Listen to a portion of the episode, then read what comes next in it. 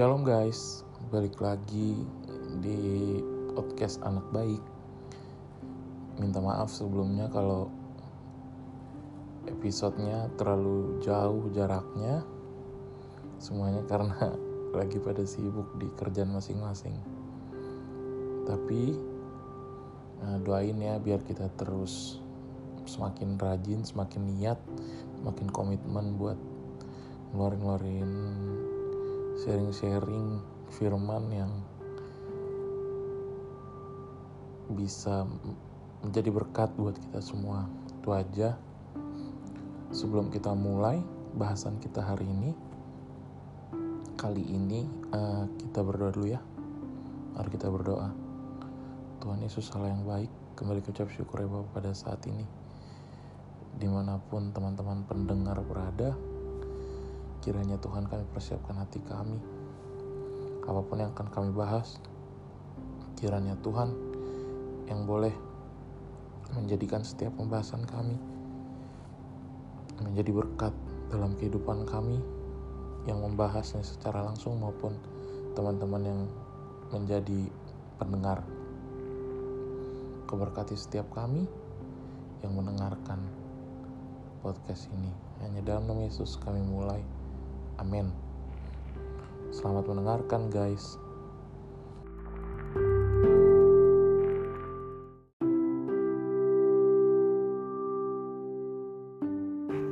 Dari Mazmur 75 ayat 7. Tapi sepertinya lebih menarik kalau kita baca dari ayat 1 sampai ayat 11 ya.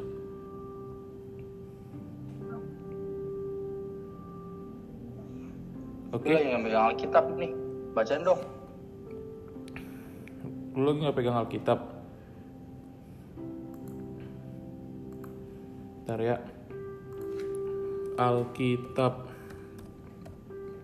online.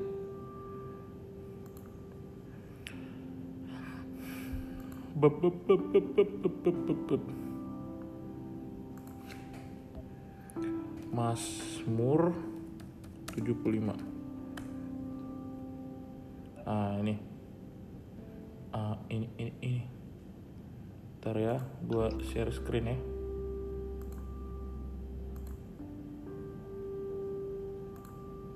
Yang mana nih? Ini ya. Kita baca dari ayat 1 sampai 11 uh, gua aja yang baca ya. Iya iya. Semuanya Demikian firman Tuhan. Perikopnya, Allah hakim yang adil. Untuk pemimpin biduan, menurut lagu, jangan memusnahkan Mazmur Asaf, nyanyian. Kami bersyukur kepadamu ya Allah, kami bersyukur dan orang-orang yang menyerukan namamu menceritakan perbuatan-perbuatanmu yang ajaib. Apabila aku menetapkan waktunya, aku sendiri akan menghakimi dengan kebenaran. Bumi hancur dan semua penduduknya. Tetapi akulah yang mengokohkan tiang-tiangnya. Sela. Aku berkata kepada pembual-pembual, jangan membual, dan kepada orang-orang fasik, jangan meninggikan orang, jangan meninggikan tanduk, jangan mengangkat tandukmu tinggi-tinggi, jangan berbicara dengan bertegang leher, sebab bukan dari timur atau dari barat, dan bukan dari padang gurun datangnya peninggian itu, tetapi Allah adalah hakim, direndahkannya yang satu dan ditinggikan yang lain Sebab sebuah piala ada di tangan Tuhan, berisi anggur berbuih penuh campuran bumbu. Ia menuang dari situ, sungguh ampasnya akan dihirup dan diminum oleh semua orang fasik di bumi. Aku mau baca yang ayat 7 ya. Kita fokus di ayat 7. Demikian firman Tuhan. Sebab bukan dari timur atau dari barat dan bukan dari padang gurun datangnya peninggian itu. Jadi uh, abang kakakku yang mau ku bawa sharing malam ini adalah bagaimana sikap kita dalam masa-masa sulit saat ini, khususnya di masa COVID-19 saat ini. Jadi ini firman Tuhan kudapatkan beberapa hari lalu waktu lagi monthly fellowship salah satu uh, salah satu praise eh band band worshipers gitu. Jadi eh, hamba Tuhan ini bilang bahwa saat-saat sulit seperti ini apa dari mana datang pembelaan kita? Dari mana datang peninggian kita? Dari mana datang pertolongan kita? Jadi yang mau kubagikan kepada kita adalah hari ini nanti kita baru bahas ya. Aku bagiin dulu ya apa yang aku dapat ya nanti baru ada beberapa bahasan yang mau aku bawa. Yang pertama bahwa yang ku dapat dari ayat ini itu udah pasti dan udah jelas mungkin kita semua tahu bahwa setiap permasalahan kita, setiap jawaban doa yang kita butuhkan itu nggak datang kalau kita mencarinya dengan pikiran kita sendiri, kalau kita mencarinya dengan energi kita sendiri, kalau kita mencarinya dengan inisiatif kita sendiri. Karena dikatakan bukan dari timur atau dari barat dan bukan dari padang gurun. Artinya bahwa kalau kita baca dari ayat 1 sampai 11 tadi keseluruhan ya bahwa Allah saja hakim yang adil. Artinya apa yang kita sudah perbuat, apa yang kita sudah lakukan di dunia ini itu semua menjadi satu investasi kita buat Tuhan, buat kehidupan yang akan datang. Lalu di sini juga aku bisa dapatkan bahwa peninggian itu hanya datang dari Tuhan. Artinya cuma Tuhan yang bisa mengangkat kita dari setiap permasalahan kita. Artinya hanya Tuhan yang bisa menolong kita dari setiap permasalahan kita, dari setiap permohonan doa kita. Tapi terkadang kita sebagai manusia ingin jawaban doa itu datang dengan cepat, datang dengan uh, semau waktunya kita, seingin waktunya kita. Tapi ternyata firman Tuhan ini mengajarkan kita bahwa tetapi Allah adalah hakim ayat 8 direndahkannya yang satu dan ditinggikan yang lain sebab sebuah piala ada di tangan Tuhan berisi anggur berbuih penuh campuran bumbu. Ia menuang dari situ sungguh ampasnya akan dihirup dan diminum oleh semua orang fasik di bumi. Artinya bahwa sekali lagi yang tadi bahwa ada yang ditinggikan, ada yang direndahkan. Artinya orang-orang yang mengandalkan Tuhan itu yang akan ditinggikan Tuhan dan orang-orang yang mengandalkan Tuhan itu yang akan mendapatkan piala gitu loh. Seperti firman Tuhan ini gitu. Jadi itu yang bisa aku sampaikan untuk bahasan awal dari firman Tuhan ini, dari sharing malam hari ini buat kita semua. Lalu yang mau jadi tema pembahasan kita seperti yang tadi di awal, apa sikap kita? Apa sikap kita dalam masa-masa sulit seperti ini sebagai orang percaya? Ya, permasalahannya adalah yang menjadi bahan masalah buat kita omongin malam ini, buat kita bicarakan malam ini adalah apakah pertama, yang pertama ya, apakah semua orang Kristen, semua orang yang mengaku percaya sudah menyerahkan seluruh hidupnya sampai uh, seluruh permasalahannya kepada Tuhan. Itu yang pertama. Yang kedua, uh, apa tanggapan kita terhadap orang-orang yang Eh, kita sebagai orang yang mengetahui firman, kita sebagai orang yang mengenal firman, apa tanggapan kita terhadap orang-orang Kristen yang keras hatinya terhadap firman Tuhan ini, gitu loh. Banyak sekali kita dapetin bahwa orang Kristen bertanya kalau ada Tuhan mana bisa nggak Tuhan? Jawab doaku sekarang. Bisa nggak Tuhan ngasih ini kepada aku sekarang? Banyak orang Kristen seperti itu nggak tahu di lingkungan kalian ada apa enggak yang jelas di lingkungan aku ada gitu. Jadi yang pertama itu tadi. Yang pertama apa ya tadi? Yang pertama lupa ada gue jadinya. Apa tanggapan ah, apa sikap kita sebagai orang-orang percaya di masa di masa sulit sekarang ini? Itu aja dulu menurut ayat ini ya menurut ayat Mazmur 75 7 ini gitu loh. Biar nanti pembahasan-pembahasan berikutnya timbul. Baru mulai udah nguap. Kita selesaiin aja lah sekarang. Makan ya? iya iya. Gimana gimana gimana?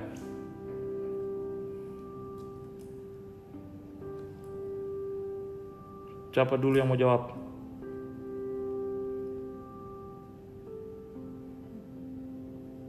yang pakai baju tidur aja lah yang jawab dulu. Ada dua yang pakai baju tidur. Iya. Semuanya pakai baju tidur. Karani dulu deh Karani. Gue pakai kaos. Aku nih. Eh, apa ya? Sejujurnya Ya. di masa-masa covid ini puji Tuhan eh, aku belum belum terlalu maksudnya terlalu berimpact ke diri aku sih gitu ya. Karena eh, kalau dibilang masa-masa sulit ya kalau dari segi pekerjaan ya puji Tuhan gaji masih normal gitu ya. Nggak dipotong. Terus eh, dari dari kan aku kan di bidang di bidang penjualan gitu ya penjualan juga masih masih oke gitu. Jadi kalau kalau aku bilang masa-masa sulit sebagai orang percaya kalau aku melihatnya secara keseluruhan kalau kita sedang mengalami sebagai orang percaya kalau kita mengalami uh, kesulitan ya kita berharap sama Tuhan kita kita menaruh 100% uh, pengharapan kita sama Tuhan di masa-masa sulit begitu Ini karena konteksnya dong. Ini karena konteksnya Covid ya karena konteksnya sulit bukan berarti walaupun sekarang lagi masa sulit istilahnya secara universal ya. Eh, tapi apakah kita pernah ada di posisi itu juga? Pasti pernah gitu kan? Makanya apa respon kita terhadap hal-hal seperti itu gitu? Secara global gitu Iya. ya. Nggak hanya COVID ya. Iya. Eh, kalau di masa-masa sulit itu ya itu tadi aku bilang kalau misalnya aku pribadi kalau aku berada di masa-masa sulit ya aku teriak minta tolong sama Tuhan. Aku berdoa aku nyampaikan Tuhan aku lagi begini-begini aku cerita sama Tuhan. Yang penting eh, nggak lepas gitu loh. Jadi ketika kita dalam masa sulit kita tetap melakukan hal-hal yang benar di hadapan Tuhan. Bantu di situ kau permata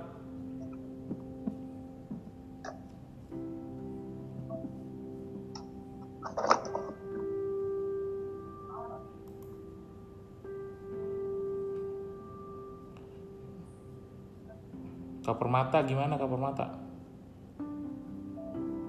Bang Diko dulu apa gue? Eh, Baca. eh, dia lagi makan soalnya. Ini eh cara topiknya meluas kan ya, nggak mesti COVID ya. Enggak, enggak, enggak. Cuma kan karena sekarang kebetulan secara universal Ngomong lagi COVID. COVID kan. Apa lah? Cuma sekarang kan karena kebetulan suasananya lagi COVID. Kalau COVID sendiri sih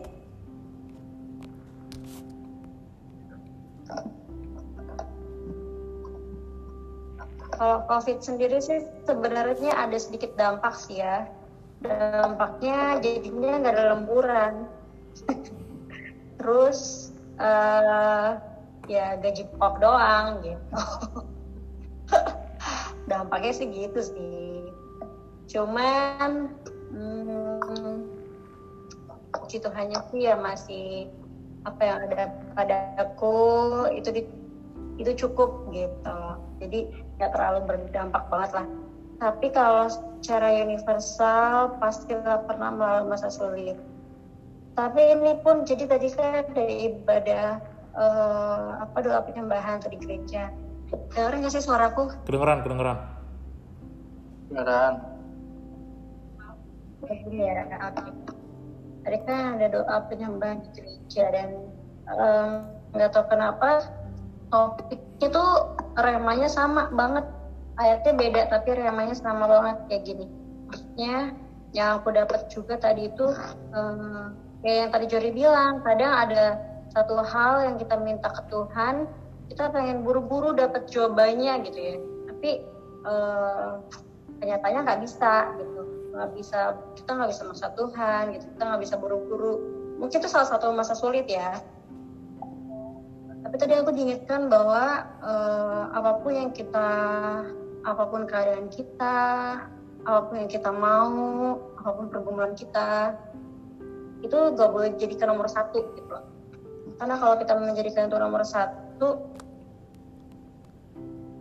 dibandingkan kita uh, mencari Tuhan gitu kita akan merasa sangat terbeban gitu. Tapi ketika kita uh, mengutamakan pengenalan mengejar pengenalan kita Tuhan dulu baru yang lain-lainnya gitu. Pasti kita bakal lebih merasa masalah kita itu tuh nggak nggak terlalu berat gitu. Nangkap nggak sih? Nangkap, nangkap. iya jadi tadi sih khotbah di gereja itu kan yang ini loh yang menambahkan kepada imanmu kebajikan kepada kebajikan uh, pengetahuan, Pengetahuan. kepada pengetahuan kasih yang gitu. Jadi ujung-ujungnya itu di ayat berapa gitu dibilang bahwa sehingga pengenalanmu akan Kristus menjadi sempurna gitu dan kamu tidak seperti orang yang picik gitu. Nah kayak aku tuh sadar banyak banget akhir-akhir ini hal yang aku inginkan gitu. Yang seolah yang seolah-olah membuat mataku tuh uh, terkesima atau picik lah istilahnya gitu. Tidak memandang fokus ke panggilan Tuhan nggak menambahkan kepada iman pengetahuan kepada pengetahuan itu kebijak eh kepada iman kebijakan kepada kebijakan pengetahuan nggak fokus ke situ tapi kepada hal-hal yang aku inginkan di dunia ini gitu nah aku diingatkan gitu ketika kita menginginkan hal-hal lain lebih utama kita jadi melupakan pengajaran kita yang utama terhadap panggilan Tuhan itu. Jadi sebenarnya hmm, kayak yang Juri tadi bilang sih masa sulit itu ya mungkin salah satunya adalah ketika kita menginginkan sesuatu dan kita minta ke Tuhan kita ingin melihat hasilnya gitu. Tapi sebenarnya eh, ketika kita menjadikan semua itu nomor satu ketika kita menjadikan kondisi kita itu nomor satu kita jadi lupa bahwa kita punya satu hal yang berharga yang harus kita kejar itu panggilan tuh. Gitu sih. Nyambung nggak ya kira-kira ya Nyambung, nyambung, nyambung, nyambung, nyambung. nyambung. Nyambung kok, nyambung kok. ini soalnya papaku papaku lagi tidur di kamar sebelah. Jadi kedengaran banget suaraku aku malu.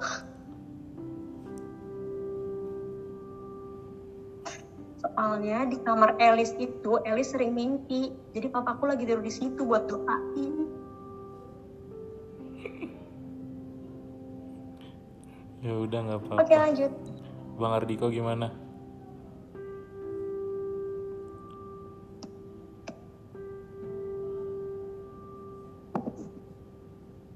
Oke. Ya. Masa-masa sulit ya. Iya, iya. Jadi memang di generasi kita ini memang masa-masa yang paling sulit sih. Kalau dulu di masa generasi opung mungkin eh, masa-masa sulit itu ya kekurangan apa ya bahan makanan kali ya. Di kalau dulu mungkin pernah cerita ya makanannya gadong, ubi kayak gitu kan. Eh, adapun lauk pauknya palingan ikan asin aja dibakar gitu kan satu ikan asin dibagi beberapa orang lalu beberapa hari lah dimakan itu mungkin masa sulit di di zaman opung kita lah ya mungkin ya jadi kalau di masa-masa kita memang ya di generasi ini yang yang, yang mungkin merasakan masa-masa sulit yang yang akan dialami atau nubuat-nubuat para nabi, para rasul yang telah tertulis di Alkitab mungkin saja di zaman kita eh, akan kita rasakan kayak gitu kan. Eh, lalu muncul eh, penyakit ini kalau dari saya puji Tuhan teman dua orang teman saya ini yang pakai baju tidur tidak ada dipotong gajinya.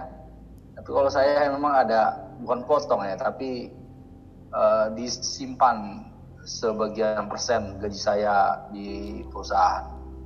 Bahasanya disimpan kayak gitulah. Sebenarnya macam kayak uh, perusahaan ngutang lah sekian persen oleh kepada uh, karyawan kayak gitulah. Jadi bukan dipotong tapi perusahaan tidak membayar, mem- tidak membayarkan full belum membayarkan full uh, artinya adalah yang di di apa dipergunakan dulu sementara oleh perusahaan membantu perusahaan. Nanti kalau sudah normal akan dikembalikan. Kira-kira gitu lah untuk masalah pekerja tapi jelas masa-masa sulit ini eh, kebetulan lagi lumayan banyak cicilan. Jadi eh, cicilan banyak ya kan potongan ada pula. Ya udahlah. Jadi eh, yang selama ini digali untuk apa namanya menambah keuangan di ATM ternyata harus dikeluarkan juga gitu loh. Nah, ya kan. Lalu masa-masa sulitnya ya pengen jalan-jalan nggak bisa jalan-jalan harus ada tes covid lah dan lain-lain lah. Harganya lumayan juga kan. Lalu mau ke mana-mana. Nah, saya orang nggak biasa pakai masker. Jadi memang masker ini bikin saya uh, bernafas tidak tidak luasa jadi itu masa-masa sulit juga bagi saya ya kan?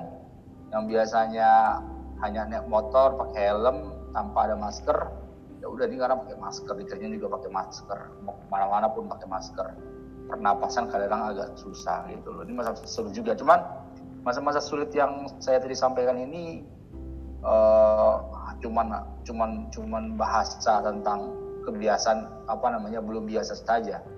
Ya kan? Nanti kalau sudah biasa pun akan uh, tidak tidak masalah gitu. Mungkin ya masa-masa sulitnya ini adalah ya kebutuhan gitu kan. Soal kebutuhan pasti uh, minimal sama kebutuhan sebelum dan sesudah covid ini gitu loh. Dan memang ya gaji kita dipotong jadi harus mengambil uang yang sudah kita simpan gitu jadi itu kalau masa-masa sulit yang seperti seperti gimana gitu ya puji Tuhannya uh, bisa dilalui lah ya bisa lalui uh, kita masih dikasih sama Tuhan adalah orang-orang yang luar biasa yang bisa saling berbagi, bisa saling support. Saya yakin itu bisa saling mendoakan, saya yakin juga itu dan uh, di balik itu semua memang Tuhan campur tangan sih. Tuhan campur tangan yang begitu luar biasa lah di dalam kehidupan saya dan keluarga saya. Tapi memang untuk akhir-akhir yang akan untuk kehidupan yang akan datang memang uh, dipastikan tidak jauh berbeda bahkan bisa lebih parah lagi. Kehidupan yang yang kita sedang alami ini. Ke, ke kebetulan tadi pagi tadi pagi menjelang siang ada teman saya seorang muslim. Kita coba berbicara ya kan? Begitupun dia berbicara tentang yang namanya chip ya. Orang muslim ini berbicara tentang chip karena semua sekarang-sekarang ini mau ngurus apa pun, mau bikin apa pun, uh, KTP NPWP itu satu hal yang yang wajib untuk di untuk dipakai, untuk dipakai agar bisa diproses lah uh, hal-hal yang yang contohnya kayak kayak pembelian apalah, kayak ngurus hal-hal apalah, ATM lah, ngurus-ngurus uh, beberapa hal-hal lah yang perlu kita urus itu sekarang lebih banyak ya butuh KTP dan NPWP kan.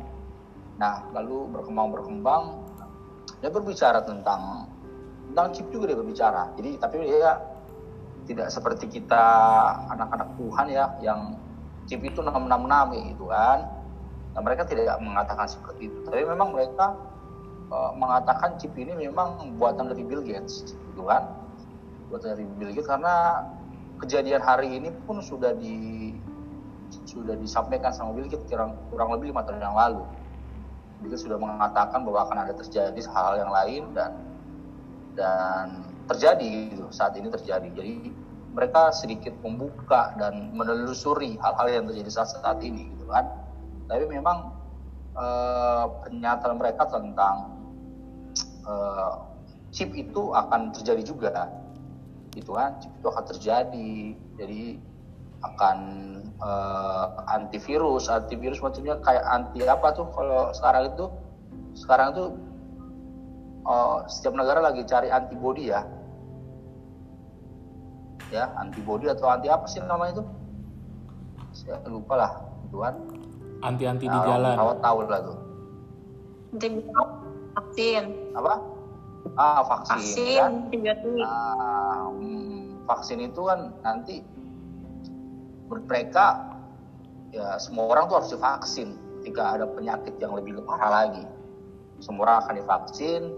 Mungkin nanti vaksin ini tidak bisa dipakai kalau tidak punya chip itu. Mungkin mungkin saja. Jadi sekedar bercerita tadi sama mereka tapi tidak panjang lebar karena memang untuk mengetak untuk berbicara tentang hal-hal itu uh, dibutuhkan ruang dan waktu yang pas dan cocok dan tidak perlu banyak orang supaya uh, lebih fokus mengarah hal-hal kalau kita sampaikan tentang chip 666 seperti apa seperti apa dari sisi kekristenan seperti apa. Tapi itu yang disampaikan sama mereka. Yang jelas uh, tadi ku bilang sama mereka iya memang itu pasti terjadi dan saya sudah bilang ke orang tua saya supaya uh, cepat-cepat back to uh, kampung ya kan? Balik ke kampung persiapkan rumah persiapkan lahan ladang supaya nanti ketika ada hal-hal seperti ini ya uh, sudah pasti dari kota-kota baru ke desa-desa lah kan untuk uh, merambat lah ulangnya merambat itu nggak mungkin dari desa dulu lah ke kota ya kan? Seperti covid ini dari kota dulu dari, Depok dari Depok menuju ke Jakarta dan meluas ke tempat yang lain gitu loh. Jadi dan kita pulang kampung pun agak tidak diperbolehkan oleh orang kampung ya kan? Stop tidak tidak boleh masuk. Dikucilkan lah.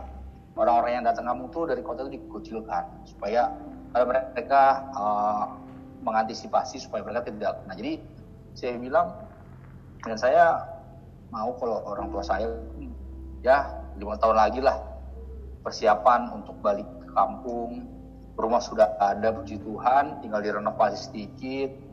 Uh, lahan karena bapak anak bontot kan lahan sudah ada. Ya persiapkanlah. Jadi ketika ada kejadian-kejadian seperti ini memang mau nggak mau mau nggak mau kita mungkin ya jadi mungkin kita harus kembali ke kampung kita masing-masing ya kan?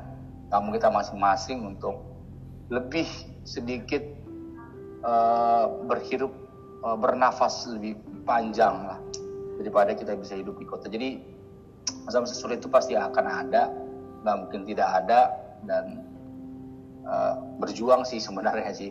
Saya mau nyampaikan uh, berjuang aja sih. Berjuang. Itu sih uh, untuk teman-teman yang lain. Kalau ya teman-teman tahulah kalau masa-masa sulit kita, ya kan, apalagi sedang uh, ada kegiatan lah, uang kurang lah, seperti apalah, itu masa-masa sulit juga yang yang ya kita bukan cuma saya aja atau ketua pada saat itu kan, tapi uh, semua bergabung untuk menyelesaikan satu masa-masa sulit tersebut. Oke, oke.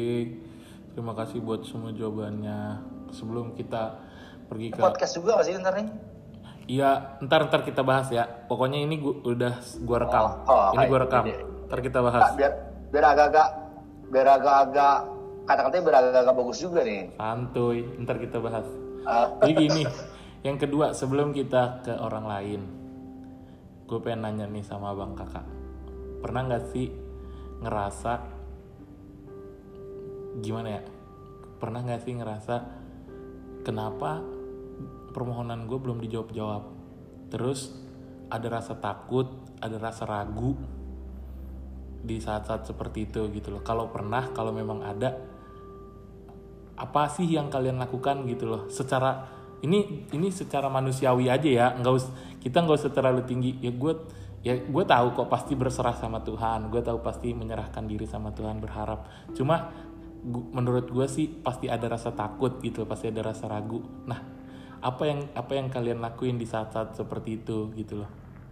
Itu itu dulu dah yang berikutnya. Oke. Ya. Kalau saya lah ya, saya duluan ya. Iya iya.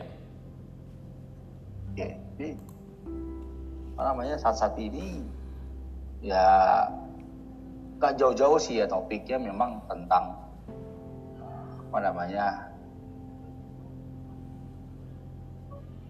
PDH ya, PDH lah ya. Ah, PDH. Jadi memang eh, eh, terkadang nggak mau mikirin sih sebenarnya. PDH apa? Pardohas. Jalan aja. Gue tanya Ah, PHB gue. PDH. Gue tanya PHB, Perhubas. PDH Oh, gue nggak tahu. DH Apa? Pilih apa? Aparan, pelihara, peliharaan. pendamping hidup Aku nggak tahu Ah, PDI, betul. itu PH loh bang. Si Permata penda- pendamping hidupnya pendamping hidup. Oh PH PDI. Apa yang kau tahu apa? nggak jauh-jauh dari itu kalau dia kan nggak jauh-jauh dari itu iya, iya. Oh iya, jadi memang Umur sudah apa- panggilan deh kan. lagi ya, apa dulu ya. Jadi, jadi maksudnya sih kenapa itu?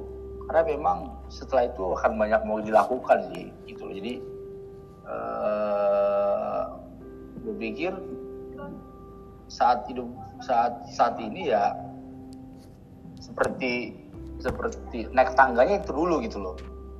Jadi naik, naik tangga pertamanya itu dulu, nanti tangga kedua itu eh, nggak bisa ke, ke tangga kedua sebelum tangga satu lah. Kira-kira seperti itu. Gitu. Jadi mau membuat suatu hal yang lebih besar, memang harus naik ke tangga pertama dulu. Nah, jadi jadi sebenarnya tadi gue bilang sebenarnya nggak mau terlalu mikirin sih gitu kan. Ya berjalan aja mengalir gitu loh jalan mengalir tentunya sudah akhir tahun kan ya udah udah-udah lagi kan gitu masuk lagi di tahun yang baru bulan pertama bulan eh, pertengahan tahun ya sebenarnya mau berjalan aja gitu. Cuman ya ya nggak bisa juga kalau nggak kita pikirin gitu kan. Nggak bisa juga nggak kita pikirin. Kita, kita pikirkan ya eh, kita pikirkan. Lalu yang kedua memang ya apa ya ya menjalin hubungan lah dengan dengan Tuhan dan dengan lawan jenis gitu kan. Jadi ya apa ya ya lebih arah itu aja lah kalau saya ya. Kalau saya. Karena sisanya itu tinggal berjalan waktu lah. Ya berharap berharap tidak mempunyai sesuatu hal yang tidak kita harapkan sih. Artinya kalau bisa ganti motor dulu macam-macam kayak gitulah masa sulitnya. Kita bisa bertahan di dalam pelayanan kita mempunyai hubungan dengan hubungan baik dengan orang-orang yang yang pernah baik sama kita nah itu lah sih next Ayo ke air. Ke air, ke air. next Ke air, ke air, ke air. Permata dulu deh.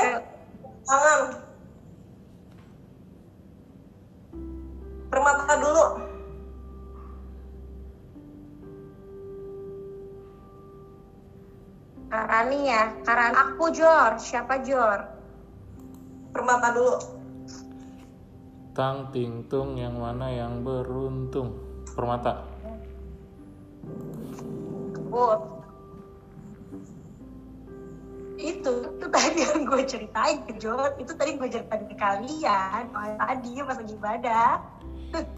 Tiba-tiba terbersit gitu. Iya, maksudnya nih aku gua- bacain deh ya. gue ngerti gitu loh. ya enggak maksud gue di saat-saat di saat-saat kayak gitu di saat-saat masa terpuruk itu pernah nggak sih lu ngerasa takut? Pernah nggak sih lu ngerasa ragu gitu loh? Apa?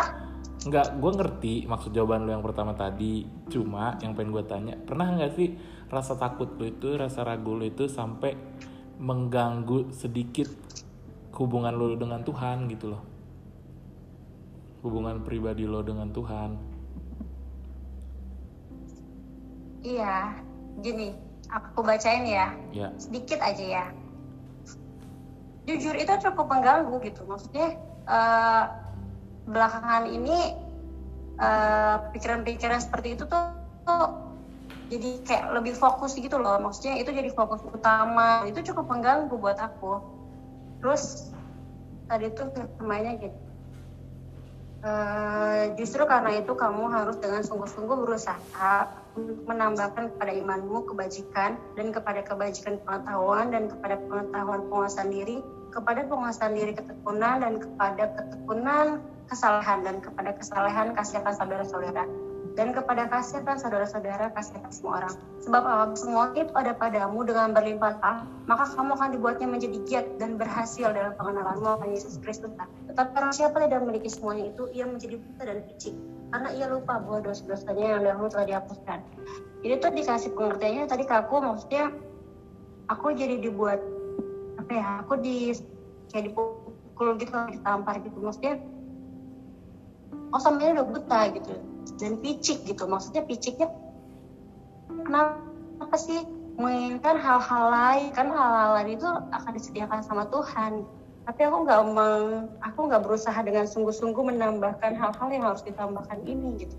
Ngerti kan? Jadi maksudnya aku diajarkan bahwa ya udah kejaja dulu hal-hal yang ini yang tadi disebutkan biar aja dulu pengenalan akan Tuhan. Yang lainnya akan Tuhan kasih gitu. Bahkan tadi itu akhirnya jadi kayak doa oke okay, kalau Tuhan nggak kasih apa yang aku pinta yang penting kasih aku hati yang mau ter terus kejar hal-hal ini kayak yang tadi aku bilang intinya itu adalah ketika kita mengutamakannya hal-hal yang kita mau itu menjadi nomor satu kita menjadi sangat khawatir gitu.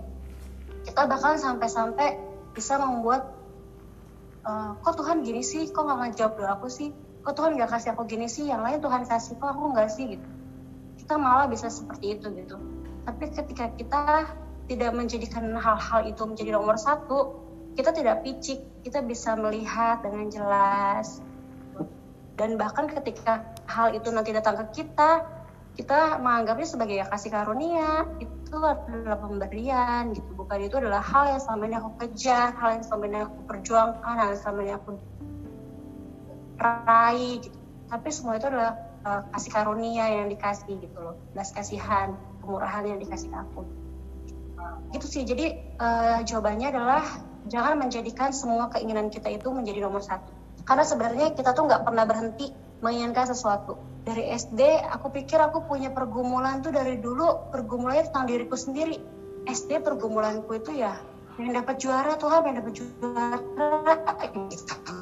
SMP juga pengen ngalah masa juara dua doang tuh juara satu lah juara satu gitu ya. SMA juga gitu. Udah kuliah ya ampun Tuhan masa nilainya cuma delapan? Gitu. Udah yang jadi nomor satu ada terus yang kita kejar udah kerja? Kok temen gue bisa sih dapat ini? Kok gue nggak bisa sih? Ada aja yang kita kejar. Setelah dapat dapat pencapaian kok gue masih jomblo misalnya gitu ya misalnya. Ada aja hal-hal yang mau kita capai gitu. Karena kita manusia itu nggak pernah berhenti berambisi gitu. Tapi ketika kita coba redamkan semua ambisi kita itu dan mencoba untuk cari bahwa nomor satu adalah mengejar hal-hal yang tadi bergiat sungguh-sungguhnya itu bukan bergiat sungguh-sungguh untuk meminta hal-hal yang lain tapi bergiat sungguh-sungguhnya minta pengenalan Tuhan itu sih yang membuat kita jadi nggak akan kecewa sih mau Tuhan kasih mau nggak Tuhan kasih terserah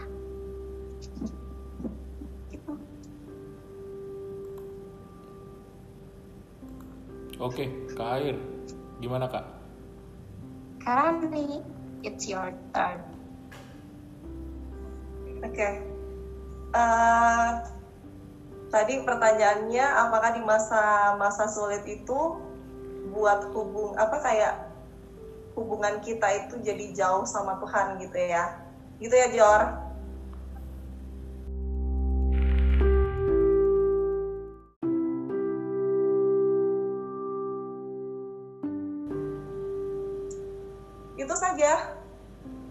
Lanjut. Ngeri ya. Jangan diketawa. Enggak. Bahasannya jadi kepasangan hidup. Sebenarnya gua nggak nggak mau bahas itu dulu. Kayaknya itu ada bagiannya nanti pas itu bahas Bang Ardiko host kayaknya oh, siap. itu dah bahasannya dah. Kayaknya dia nih malam ini kayaknya dia lagi lagi on fire banget nih buat membicarakan kehidupan nih Bang Ardiko ini. Lah. Kau. Oke oke oke. Itu itu yang kedua. Lalu yang ketiga karena bahasan kita cuma satu jam malam ini dan direkam. Jori penggawa, Jori emang hostnya nggak jawab ya? Nanti gue di terakhir, gue di terakhir. Gue di terakhir. Lalu. Bisa itu. Karena udah 47 menit nih rekaman, jadi yang terakhir. nanti gue potong tenang tentang polisi dan pegawai bank dan orang yang transfer ke temen lu. Ya ya yang terakhir ya. Ini ini yang terakhir. Semuanya. ini yang terakhir.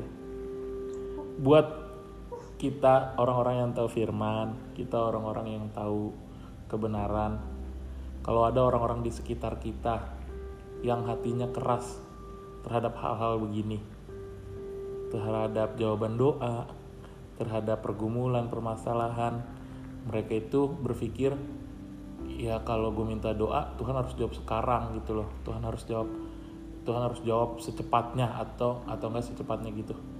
Kalau ada orang-orang di sekitar ki- kalian yang kayak gitu apa respon kalian? Gimana cara kalian menyampaikan kebenaran ini sama orang-orang yang begitu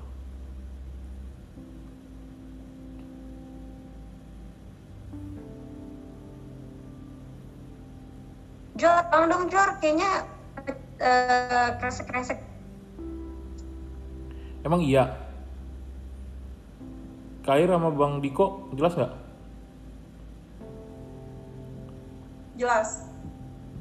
sinyalmu berarti.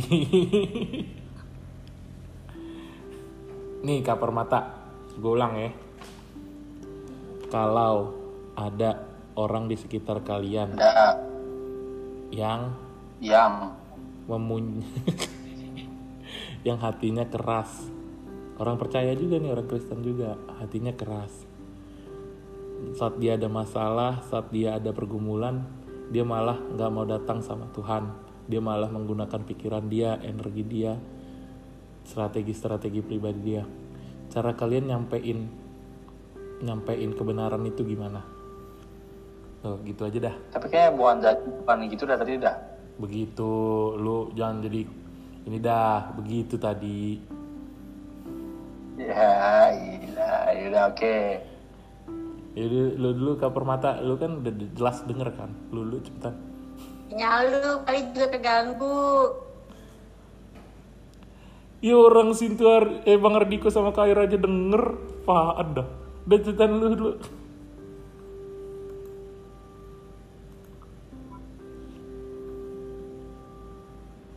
Siapa duluan? lu lah Permata deh.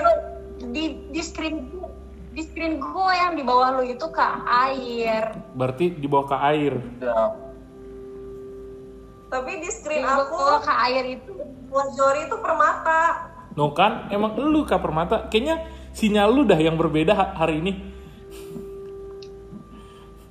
maklum lah sensi banget sih. Sinyal gue lagi sensi berarti. Namanya Gue juga ya. di pedesaan. Lanjut lanjut. Kalau gue ya, kalau gue sih sekarang sekarang ya di usia gue yang sudah tidak lagi muda ini, maksudnya, maksudnya di sekarang sekarang ini gue sih lebih cuek ya, maksudnya orang punya pertanggungjawaban masing-masing, orang punya masalah masing-masing, orang punya pendapat masing-masing, dan orang punya pemikiran masing-masing gitu. Jadi gue tuh cukup cuek. Tapi ke orang-orang yang gue care, gue akan gue akan perjuangkan nasihat gue gitu. Tapi ke beberapa orang kayak ya udahlah dia emang pernah deket sih sama gue maksudnya pernah akrab sih ya udah tapi kalau dia nggak mau dengar sekali ya udah itu bukan urusan gue lagi gitu tapi kalau untuk orang-orang misalnya ini orang deket ya dia eh, keras kepala gitu ya. Ya kan tetap dinasehatin sih maksudnya kan tetap dibilangin gitu.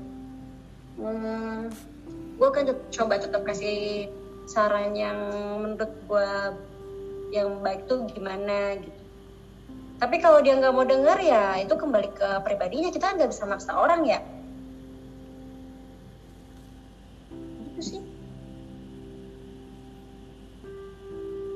lu gimana Bang Ardiko karena gue punya prinsipnya Oh, iya, gini belum. maksudnya eh, tiap kejadian itu pasti menghasilkan sebuah pembelajaran untuk setiap orang gitu. jadi gue percaya kalau emang dia orang itu disayang Tuhan orang itu akan dilalukan dari masalah maksudnya dilalukan dari hal yang buruk gitu kalaupun masalah itu datang masalah itu akan bawa dia ke satu hal yang lebih baik gitu. akan dilakukan dari hal yang buruk tapi kalau emang dia keras kepala Tuhan pasti akan ajar dia dengan cara Tuhan gitu.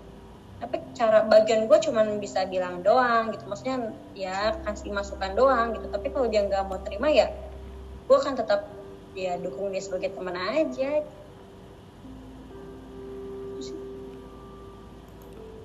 Bang Ardiko, gimana bang?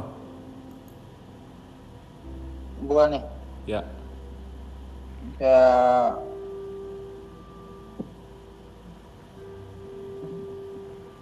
pernah apa ya pernah orang pernah ada temen dulu banget marga sembilan juntak ya. Jadi dulu tuh gue pernah sempet cerita sama kawan gue pernah nggak di GPI ya ibadah kan ibadah dekat rumah gitu. Dan aja situ gue banyak pelajaran. Jadi ketika itu sedang perjalanan pulang habis latihan ya sempat cerita ya kan. Dia cerita tentang permasalahan dia dan eh, dia bilang eh, apa tanggapan eh, lo? Dan karena kami seumuran lo gue lo gue jadinya bicaranya apa tanggapan lo dan dengan cerita gue gitu dan gue pengen lu nggak ada kata nggak ada mengeluarkan kata sabar gitu. Jadi mungkin kayak kayak dia punya permasalahan dengan orang tuanya atau pekerjaan dan lain-lain. Tapi ketika dia nggak suka dengan karena bagi dia kalau dibilang sabar ya gue udah tahu gitu. kayak gitu kan jadi gue mau mendengarkan nasihat yang berbeda kata dia. Dan memang pada waktu itu gue nggak ngerti juga mau ngomong apa kan kecuali kata sabar itu juga yang mau gue keluarkan sama dia gitu. Dan itu agak sedikit panjang masih lebar sama dia. Walaupun dengan kata sabar tapi sebenarnya memang mau mau harus sabar gitu. Mau mau memang harus sabar dalam menanggapi permasalahan yang dia ceritakan pada saat itu.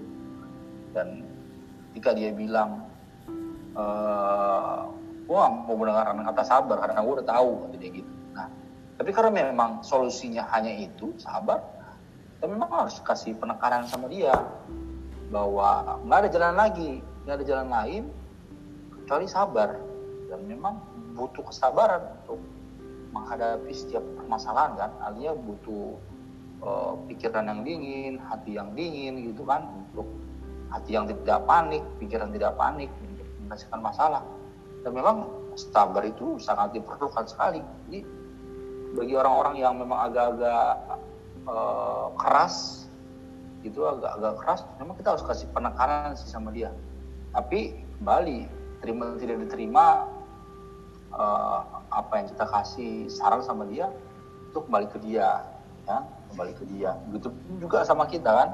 Kita mau kita cerita lalu kita diterima kita dikasih saran kita dikasih kritik ya kembali lagi sama kita. Kita terima justru tidak kita terima pun ya tidak menjadi kerugian bagi orang tersebut. Kerugiannya hanya waktu saja. Capek-capek berbusa kita ngomong ya kan nggak ditanggapi. Gitu loh. Tapi it's okay semua itu kan pilihan juga kan. Hidupnya adalah uh, bukan hanya kesempatan tapi itu juga pilihan. Nah uh, kurang lebih kayak itulah ya. Kurang lebih kayak gitulah bagi bagi orang-orang yang uh, apa namanya yang punya pergumulan pergumulannya dia minta harus dijawab sama Tuhan ya. Setiap pergumulan memang ada yang langsung bisa dijawab ada yang tidak kan. Kunci lagi tetap kembali ke sabar. Menunggu hasil yang yang kita gumulkan sama Tuhan. Sabar. Gitu loh. Tentang PH sabar. Tentang pekerjaan yang memang kita mau kayak Rani mau jualan kue ya sabar menanti sabar menunggu sabar bikin planning sabar mencari uang juga untuk membuatnya kayak Jori uh, sekarang jadi PHB kan? Uh, uh, tahun depan jadi Sintua mungkin atau dua tahun lagi sabar. Menunggu untuk menjalani hari-hari yang baik ya kan? Kayak kita pun sabar. Mungkin kita sudah gatel kaki kita mau jalan-jalan ke mana-mana. Ya kan? Kalau gue sih sudah udah nggak gatel lagi kan karena udah dua kali pergi ke laut. Gitu jadi nggak nggak lagi kan. Tapi bagi teman-teman ini harus sabar untuk hadapi kan. Tapi sama-sama kita doa supaya covid ini selesai sih biar lebih ya apa ya lebih sempurna lah kalau mau pergi mau jalan-jalan mau arisan kan Jor sabar lah jadi memang sabar itu itu nggak gue ada duanya lah ya. gue nggak Sabar dimasuk itu masukin ke arisan juga harus sabar. Habis Sabar. covid nanti tahun depan sabar menanti. Kita- kayak kue kita- kan makan kue menanti? Meranti tuh dari. Medan? Nah meranti. Meranti. Meranti. Iya. Meranti. Meranti Karani. Karani gimana nih? Mana? Udah. Udah, Udah. saya. udah, udah, udah pulang kami, pulang kami udah, udah. Kalau aku sikapinya gini, eh, kalau misalnya ada orang yang nggak sabar gitu ya, nggak sabar dengan jawaban Tuhan, aku lihat dulu orangnya, apakah dia bisa dikasih tahu atau nggak bisa. Nah kalau misalnya dia bisa, eh dia nggak bisa dikasih tahu, aku nggak komentar gitu loh. Karena percuma aja gitu. Aku kasih tahu aku keluarin eh, ayat-ayat gitu kan. Aku kasih cerita pengalaman orang. Tapi kalau dia juga nggak ini ya nggak terima maksudnya nggak nggak mengerti gitu ya aku males gitu. Buat apa gitu panjang lebar cerita. Dia juga nggak masuk. Nah kalau misalnya eh, orang itu bisa dikasih tahu ya aku cerita gitu. Aku share pengalaman aku misalnya. Kalau ada terus pengalaman orang lain aku ceritain gitu. Karena eh, di keje- maksudnya di sekitar aku pun ada orang yang begitu. Jadi balik lagi soal PH aku punya teman itu sudah 35 tahun. Ya jadi eh, Yes. ini cowok sudah 35 tahun lalu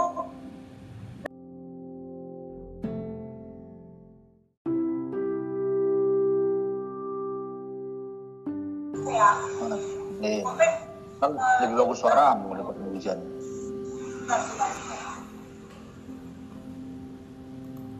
Sampai dia bilang Bang Ardiko nggak pernah gombal kok.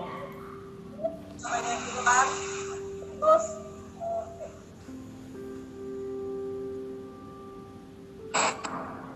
dia bilang umur aku udah 35 tahun aku kasih target itu lima tahun aja katanya sampai di, di sampai di waktu yang lima tahun itu kalau Tuhan nggak kasih udah aku jadi bujangan aja bujang lapuk aja katanya terus aku sempat jentil maksudnya aku tuh bilang eh, kebetulan orang Chinese ya oh aku bilang oh kamu nggak nggak bisa nggak boleh jangan seperti itu.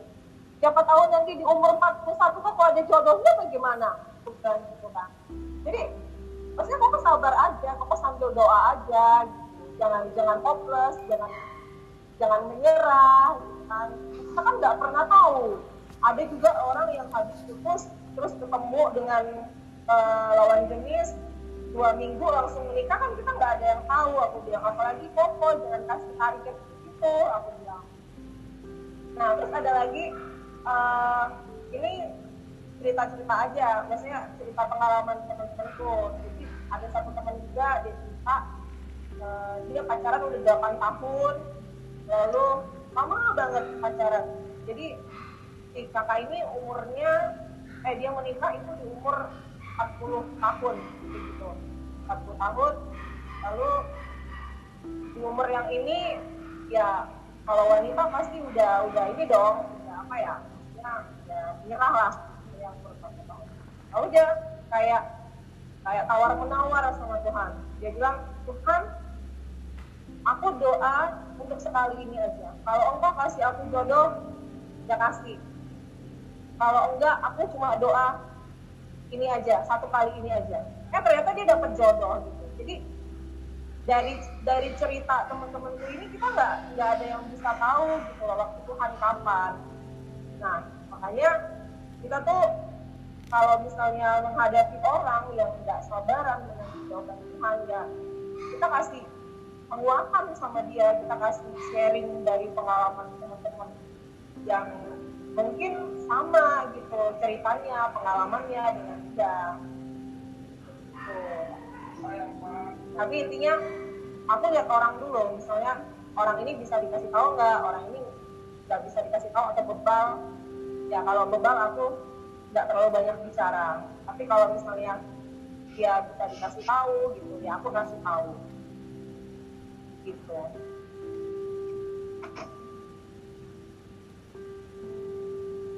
oke George Oke. Iya, jadi karena tadi kalian semua udah jawab pertanyaan-pertanyaanku. Karena kalian semua udah jawab pertanyaan-pertanyaanku. Aku ya yang nutup ya, sekalian aku sampaikan semua jawaban-jawaban aku dari pertanyaan tadi, sekalian aku tutup ya. Jadi gini, abang kakak. Yang pertama tadi uh, intinya sih gini dari setiap pembahasan malam ini ya yang yang gue yang gue alamin yang gue rasain. Uh, saat gue ada dalam masalah saat gue ada dalam uh, persoalan terkadang gue pribadi ngerasa takut. Gue masih ada di sesi itu. Gue masih ada di sesi itu dan gue nggak bisa dan gue nggak bisa uh, munafik.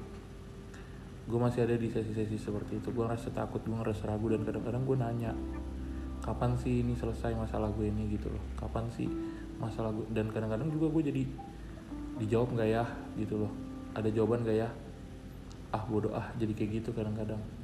Dan kadang-kadang juga gue masih mengandalkan pikiran gue kekuatan gue untuk kayak yang tadi kak Permata bilang picik ngibul bulus lain hal lah. Itu masih beberapa beberapa kali gue pribadi masih gue lakuin gitu loh. Dan memang tapi saat gue berbalik artinya gue gue mengenal firman ini gue tahu firman ini dan semakin hari gue semakin mencoba menyerahkan semuanya sama Tuhan ternyata nggak sesulit yang gue pikirkan gitu loh. Terkadang jawaban-jawaban doa itu datangnya memang nggak setepat waktu yang kita pengen gitu loh. Tapi ternyata waktu jawaban doa itu datang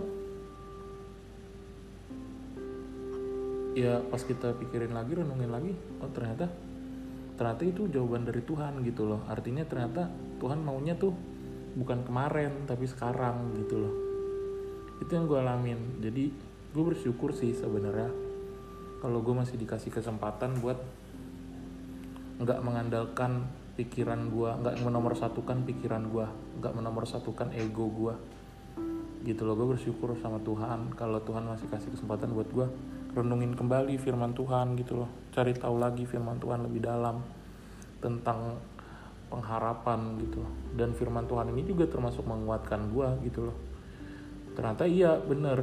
Lu gue mau cari ke timur gue mau cari ke barat gue mau cari ke padang gurun atau gue mau cari ke perkotaan sekalipun.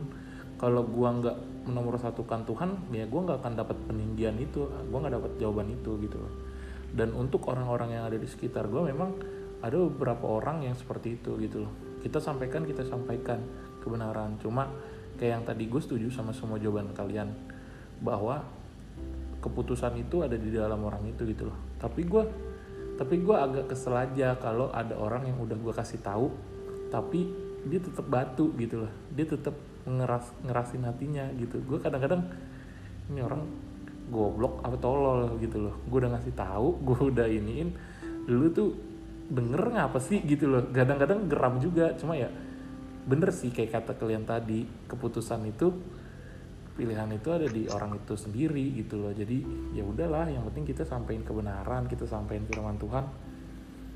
Urusan urusan dia mau apa enggak ya itu kembali ke dia gitu loh. Itu sih. Terus sebenarnya gue mau itu itu itu aja pembahasan kita malam ini. Gue bersyukur dapat beberapa jawaban yang memang membukakan pikiran gue terima kasih buat waktunya bang kakak. Cuma yang terakhir gue mau kasih ayat nih penutup nih buat kita semua dari Kolose 2 ayat 6 Kolose 2 ayat 6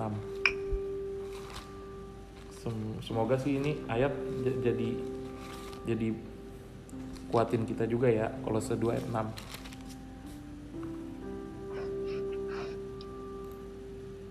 Ntar tua Kolose mana nih Kolose Kolose 2 Ayat 6. ayat 6 ayat 6 nya mana? Nah ini ayat 6 ntar ya gue share screen ya biar Sintua bisa baca. Nih ayat 6 kamu telah menerima Kristus Yesus Tuhan kita. Karena itu hendaklah hidupmu tetap di dalam dia. Ini ini ayat penutup buat kita malam hari ini yang mau gue sampaikan adalah ketika kita tinggal di dalam Tuhan Tuhan mau kita lihat apa yang Tuhan lihat dan terus tetap dalam perjalanan iman kita bersama Tuhan Yesus. Punya sudut pandangnya Tuhan. Artinya cara hidup kita seperti Tuhan. Tapi kalau kita menjadikan orang fasik akan terus buntu dan enggak menemukan ujung jalan dari setiap permasalahan kita atau permohonan doa kita. Dan hidup di dalam Tuhan Yesus akan menjadi jaminan buat kita. Jadi yang mau gue sampaikan bahwa mari uh, biar biar kita tuh meneruskan perjalanan iman kita dan maju terus di dalam Tuhan. Apa pun yang kita hadapin, apa pun yang kita lagi lihat seperti yang saat-saat ini sedang terjadi. Kita lihat di TV, di YouTube, di media sosial semuanya tentang COVID. Dan gue juga melihat bahwa semakin hari semakin banyak gitu loh orang yang positif. Cuma semakin hari virus yang menakutkan itu yang nggak kelihatan itu semakin menakut-nakuti kita. Tapi kita harus ingat juga ada Roh Kudus yang juga nggak kelihatan secara fisik, tapi menakjubkan. Hanya ada satu jawaban di dalam setiap permasalahan kita, dalam setiap pergumulan kita, yaitu Tuhan Yesus. Itu aja abang kakak buat malam ini. Uh, kiranya uh, apa yang udah kita sharingkan malam ini boleh jadi berkat, boleh jadi boleh jadi berkat buat kita atau nanti kalau gue edit ini lagi semangat gue edit lalu gue masukin ke podcast biar jadi berkat juga buat uh, teman-teman yang ngedengerin gitu loh. Itu sih. Soalnya menurut gue sehabis covid juga masa-masa sulit akan lebih sulit akan lebih sulit seperti yang dibilang bang Ardiko tadi akan lebih sulit cuma Dan jangan lupa ya, Iya, cuma gimana kita. Semuanya tergantung gimana kita gitu loh. Karena setahu gue juga Tuhan Yesus nggak pernah menuntut setiap menuntut orang-orang lu harus jadi percaya sama gue, lu harus jadi percaya sama gue. Enggak. Tapi yang Tuhan Yesus lakukan adalah melakukan tanda ajaib mujizat, menunjukkan kuasanya gitu loh. Dengan itu aja sudah selayaknya semua orang percaya sama Tuhan gitu loh. Artinya uh, kita bersyukur, kita beruntung kita bisa jadi orang-orang percaya. Ya jangan sampai perjalanan kita selesai cuma gara-gara ada permasalahan gitu loh, cuma gara-gara ada beban berat. Itu aja sih abang kakak buat malam ini. Terima kasih. Semoga Tuhan semakin memberkati kita dan setiap pergumulan, doa, setiap permasalahan yang kita serahin sama Tuhan, Tuhan boleh kasih waktu yang indah buat kita. Termasuk abang kakak gue ini, khususnya Bang Ardiko, Kak Ari, Kak Rani, sama Permata. Kalau emang udah tujuannya mendapat fokusnya itu mah mendapatkan mendapatkan gitu kalau bidang. emang tujuan lu semua udah mau mendapatkan pasangan hidup menemukan pasangan hidup ya gue sih berdoa sih buat kalian biar mendapatkan pasangan hidup yang terbaik yang dari Tuhan itu aja sih hidup 2021. iya hidup 2021 bulan apa bos Bulan 1, kalau nggak bulan 12. Hari itu aja. hati-hati kita tabrakan ya Mata udah tidur kan. kita aja yuk doa yuk Oke, jangan lupa subscribe, like, and comment. Asik. Tapi gue gue mau doain kalian ya. Gue boleh nggak doain kalian? Tekan, tekan tanda lonceng. Gue doain kalian ya. Gue yang berdoa ya. Ah, Tenang aja lu. Gue ber doa gue malam ini berpuasa. Lu tenang aja lu. oke. Iya. Yuk kita doa yuk. Ya, Kita doa yuk. Mari kita Aku berdoa. minta request doa dong. Yes yes yes. What what Aku what. minta request doa dong. Yap yap. Gigiku lagi sakit. minum Gigiku lagi sakit. Enggak ini bukan ini bukan gigi sih. Gusi. Ini gusi. Itu kan benar, gusi. yang gusi yang gusi yang luka karena kena senggol-senggol gigi. Gigi yang tumbuhnya itu maksudnya giginya kayak